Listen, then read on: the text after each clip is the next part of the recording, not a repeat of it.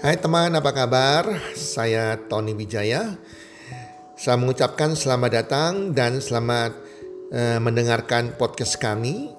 Melalui podcast ini, kami memiliki misi bagi pendengarnya agar setiap pendengarnya bisa memiliki kehidupan yang sehat, sejahtera, dan berbahagia. Kami ingin menjadi sebuah cahaya lilin di tengah kegelapan yang bisa memberikan harapan, manfaat, dan solusi bagi setiap pendengarnya. Selamat mendengarkan podcast kami dan semoga Anda menjadi pendengar untuk podcast-podcast kami berikutnya. Salam 1 2 3 salam sehat, sejahtera dan bahagia.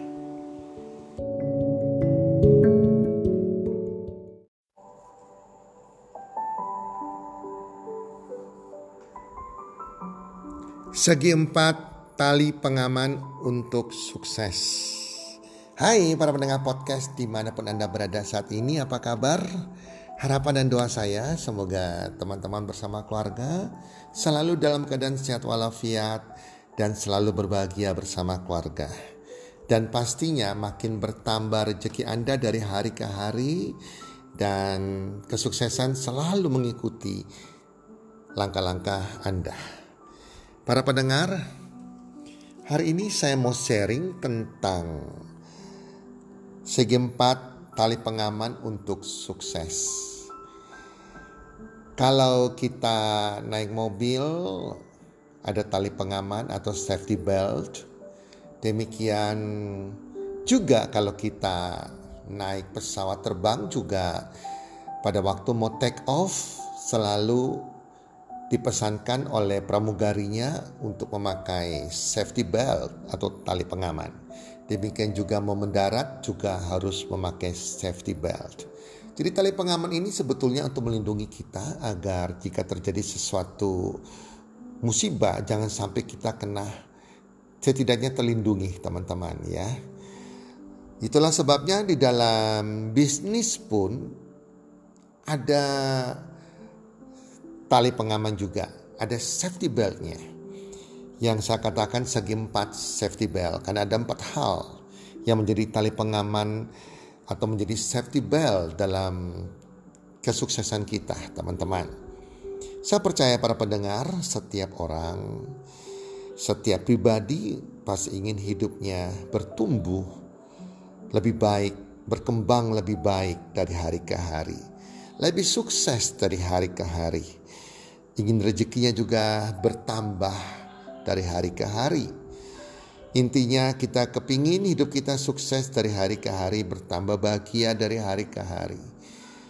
Demikian juga saya teman-teman. Cuma kalau saya flashback, yang sudah terjadi puluhan tahun yang lalu, kegagalan bisnis yang saya alami, yang menyebabkan saya bangkrut berkali-kali, 10 macam bisnis saya hancur, itu menjadi sebuah pelajaran yang sangat mahal, menjadi uang sekolah yang sangat mahal teman-teman.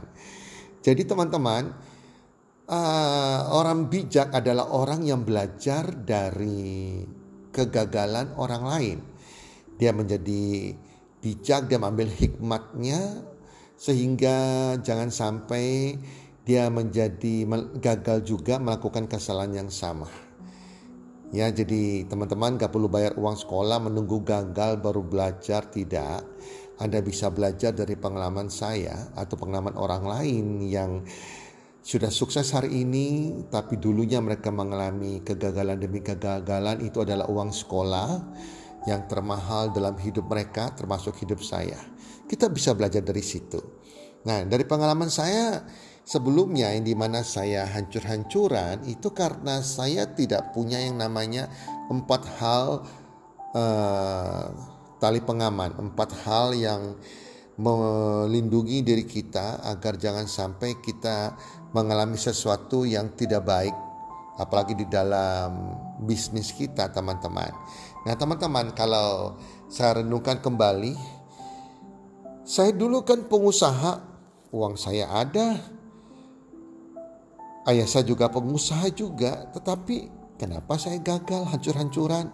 Sampai 10 macam bisnis yang berbeda loh teman-teman. Dan modalnya bukan kecil loh, modal besar teman-teman. Ratusan juta sampai miliaran. Nah, saya pelajari ternyata ada empat hal yang tidak aman dalam diri saya. Yang saya tidak mengerti, yang saya tidak miliki, itu membuat saya hancur teman-teman. Saya mengalami kecelakaan di dalam bisnis dan hancur. Yang pertama adalah diri saya pribadi. Dulu saya adalah orang yang tidak memiliki keahlian, saya kurang pengetahuan, kurang pengalaman, dan saya karena ambisi saya sehingga saya terbawa ikut arus membuka bisnis bisnis yang kadang saya tidak mengerti tentang bisnis tersebut. Hanya ketemu teman yang punya pengetahuan contohnya saya pernah main kayu. Itu karena saya ketemu dengan teman saya, teman yang baru saya kenal, yang punya pengalaman tentang kayu, dan dia mengajak saya kerja kayu sama-sama. Dia nggak punya modal, modalnya saya 100% dan dia saya kasih saham kosong. Nah, karena tidak punya pengalaman ini akhirnya tertipu. Nah, dari pribadi saya yang salah saya tidak punya pengalaman dan waktu itu juga saya adalah pribadi yang selalu berpikir negatif. Pikiran saya selalu stres, selalu takut, selalu khawatir, selalu gak punya pengharapan. Selalu dalam pikiran saya akan membuka suatu bisnis, jangan-jangan nanti usaha ini bisa rugi, jangan-jangan nanti bisnis saya ini bisa tutup ini. Itu yang selalu ada pada saat membuka sebuah bisnis. Apalagi bisnis pertama, kedua sudah gagal, buka bisnis ketiga, saya berpikiran yang sama juga. Aduh jangan-jangan bisnis ini juga nanti bakal gagal. Nah ini teman-teman, kalau kita berpikir hal yang negatif, selalu khawatir, maka hal negatif ini akan jadi medan magnet yang negatif yang menghampiri kita. Saya selalu cemas, selalu khawatir, dan mudah stres tidak melihat sebuah solusi, tetapi hanya melihat ter, ter um, pada sebuah masalah. Ya, saya hanya terikat pada masalah, saya tidak punya pikiran untuk mencari solusi. Nah, yang kedua pada saat itu saya berada di, lingkungan sebuah komunitas teman-teman saya. Saya berada di lingkungan teman-teman saya yang orang-orang yang negatif juga Selalu omongannya negatif, berpikir negatif, sering mengoreksi orang lain. Karakter mereka juga negatif, perbuatan mereka juga negatif. Lingkungan saya tidak membuat saya bertumbuh positif secara pribadi, tidak bisa memberikan saya nilai tambah secara pribadi. Bagi kehidupan saya tetapi malah membuat saya menjadi orang yang negatif, berkarakter negatif. Nah, yang ketiga, pada saat itu Walaupun orang tua saya pengusaha, orang tua saya pengusaha hasil bumi, dan saya membangun bisnis yang berbeda. Jelas mereka tidak bisa menjadi mentor saya, walaupun dia pengusaha, tapi orang tua saya pengusaha hasil bumi, bukan pengusaha yang saya sedang bangun bisnisnya. Dan saya tidak punya coach, tidak punya mentor yang melatih saya bagaimana membangun bisnis-bisnis tersebut. Akhirnya saya hanya trial and error. Belajar sendiri, mencoba-coba, dan mengalami kesalahan, dan akhirnya fatal. Rugi dan bangkrut. Nah ini teman-teman, saya semua lakukan sendiri tidak ada sebuah mentor, coach, atau orang yang sudah ahli yang menuntun jalan saya, mengajarkan saya tentang bisnis tersebut. Yang keempat, hubungan dengan Tuhan. Saya orang yang beragama, saya berdoa setiap hari. Tetapi walaupun saya berdoa setiap hari, saya baca kitab suci setiap hari. Tetapi saya kan tidak punya karakter pemenang. Saya selalu khawatir, saya tidak punya pikiran yang yang positif, saya nggak punya pengharapan, saya nggak punya iman, saya gampang menyerah. Nah, ini kan sesuatu hal yang Tuhan tidak berkenan, teman-teman. Nah, berikutnya adalah walaupun saya berdoa dengan Tuhan, baca kitab suci setiap hari, tetapi lingkungan saya, lingkungan negatif. Jelas teman-teman ya. Jadi pribadi saya sudah pribadi yang tidak menyukakan hati Tuhan. Ketika saya nggak punya mentor atau guru petunjuk, padahal itu semua sesuatu hal dibutuhkan dan Tuhan inginkan kita punya hal tersebut. Jadi ada bagian di mana kita berdoa, yang di mana ada bagian yang mana kita lakukan, ada bagian di mana yang Tuhan lakukan.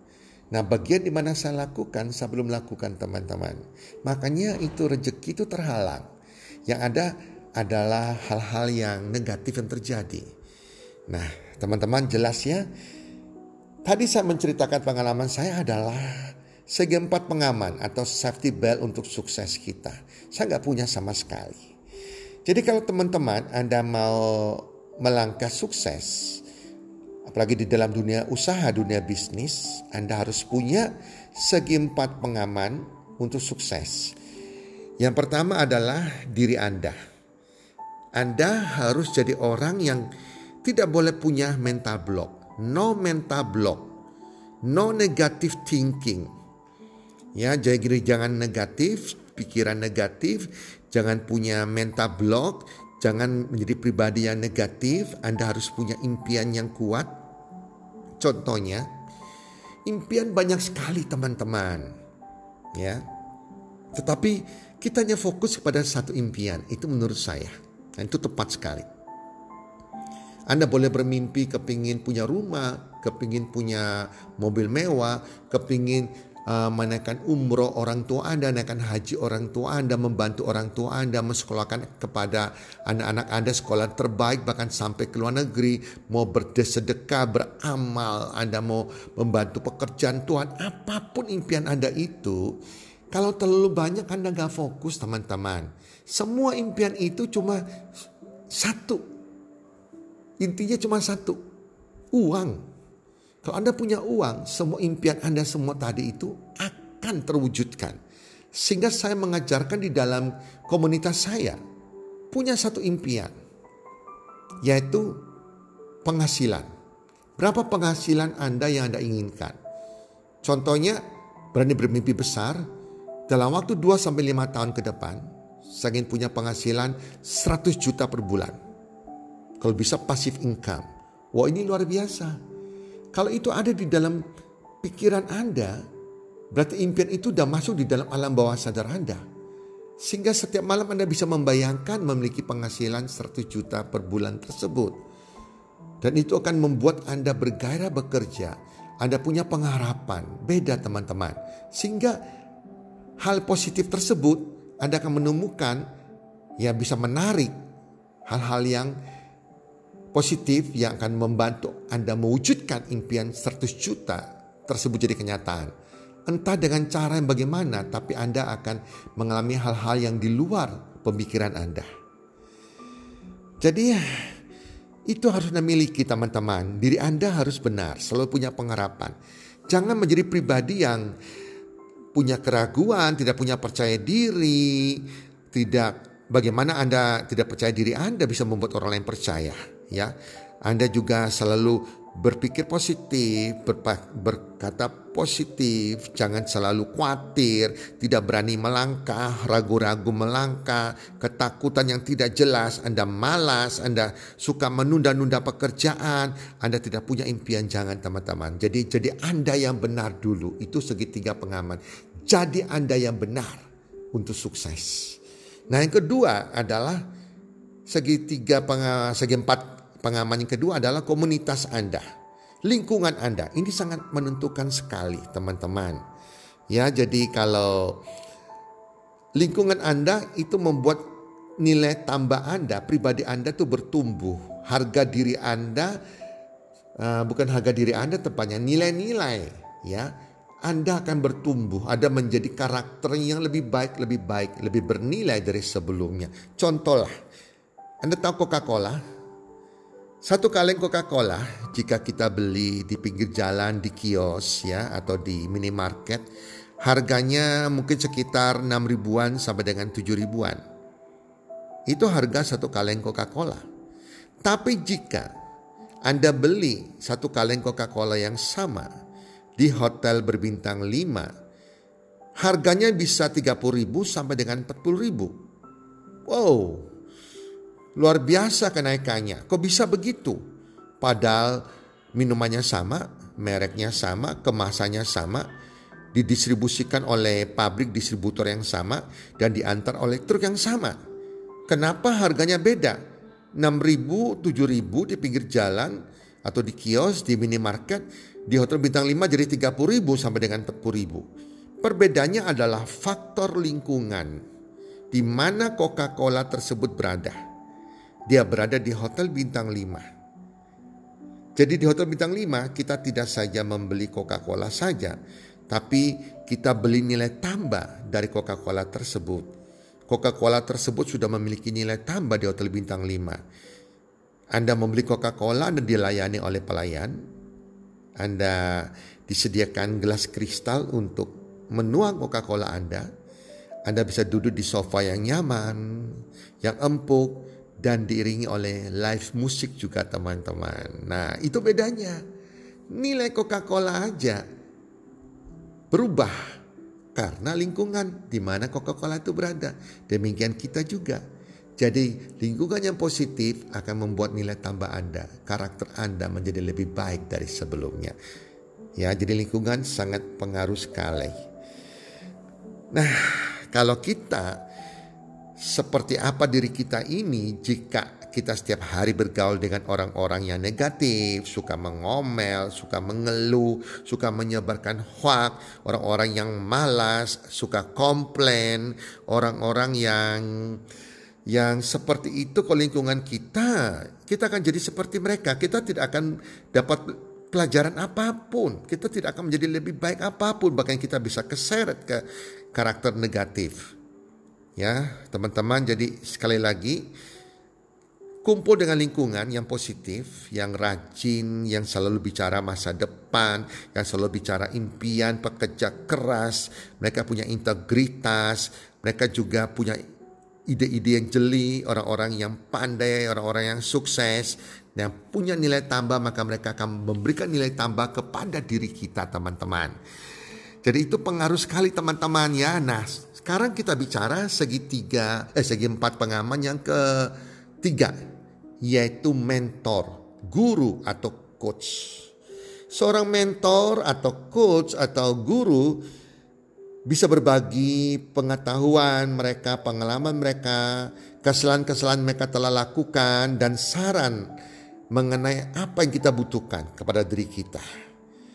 Jadi kalau kita dulu pernah sekolah, Anda sadar tidak ya? Guru kita itu membuat kita bisa pandai sampai hari ini. Guru yang buat kita bisa berhitung, kita bisa memberikan kita pengetahuan tentang biologi, kepandaian tentang fisika dan pengetahuan-pengetahuan yang lain. Itu guru. Kalau kita di bidang agama, kita mencari guru atau mentor khusus di bidang agama juga yang membimbing kita lebih kenal kepada Tuhan, pengetahuan tentang kitab suci yang benar. Demikian juga kalau kita mau masuk di bidang olahraga, pasti ada coach mentor yang melatih kita di bidang olahraga. Semua juara-juara dunia di bidang olahraga semua pasti punya mentor. Mentor ini yang tahu kekurangan kita, tahu dan bisa melihat apa yang salah kita lakukan. Dia mendidik kita sehingga kita bisa menjadi juara di bidangnya, di bidang olahraga. Nah, kalau Anda di bidang bisnis, Anda perlu cari mentor yang punya pengalaman di bisnis. Tapi cari mentornya mentor yang tepat teman-teman ya, mentor yang berkarakter yang baik, yang peduli, yang hanya tidak mikir duit saja, yang bisa memberikan nilai tambah, mentor yang punya hati sungguh-sungguh, mentor yang terbaik yang punya hati yang peduli terhadap keberhasilan kita. Wah itu aset yang luar biasa. Jangan cari mentor yang dibayar baru peduli. Seperti kita ikut workshop-workshop, kita bayar mahal, boleh mereka menjadi mentor kita. Itu mentor tanda petik teman-teman. Jelas ya. Jadi uh, saya melayani di komunitas Health and Well sebagai mentor yang sungguh-sungguh gratis tidak dibayar. Karena misi sosial yang tinggi yang ingin saya bagikan pengalaman hidup saya membantu orang bagaimana untuk sukses, bagaimana menjadi pengusaha, memiliki nilai-nilai tambah karakter yang baik bagi kehidupan mereka tanpa dibayar. Ya, jadi kalau Anda bisa menemukan seorang coach mentor yang punya hati, hati sungguh-sungguh peduli sama orang lain, hati membagi berkat untuk membantu orang lain sukses, itu luar biasa teman-teman ya misi dan hati untuk menabur kebaikan. Teman-teman ya, jadi saya punya seorang teman juga, saya contoh, dia ini mentor.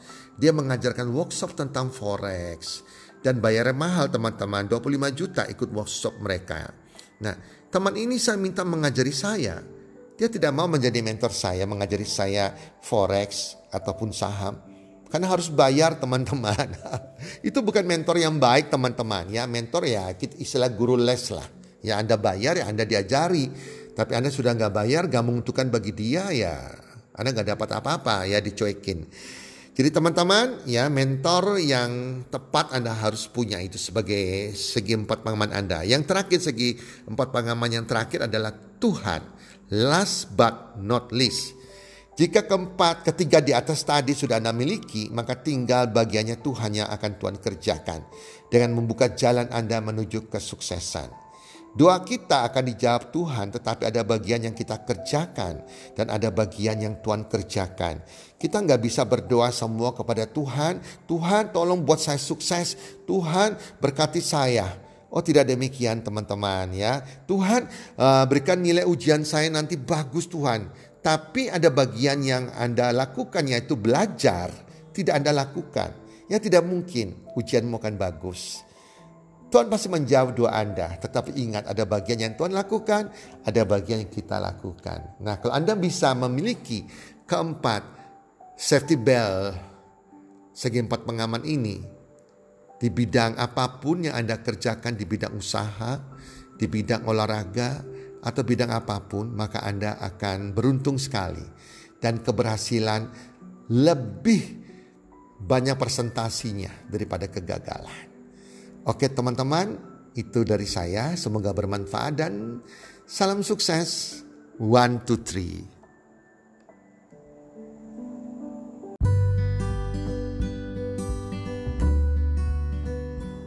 Terima kasih sudah mendengarkan podcast kami. Teman, jika Anda rasa bermanfaat podcast kami ini, Anda bisa menginfokan kepada rekan kerja Anda, keluarga Anda, teman ataupun sahabat Anda.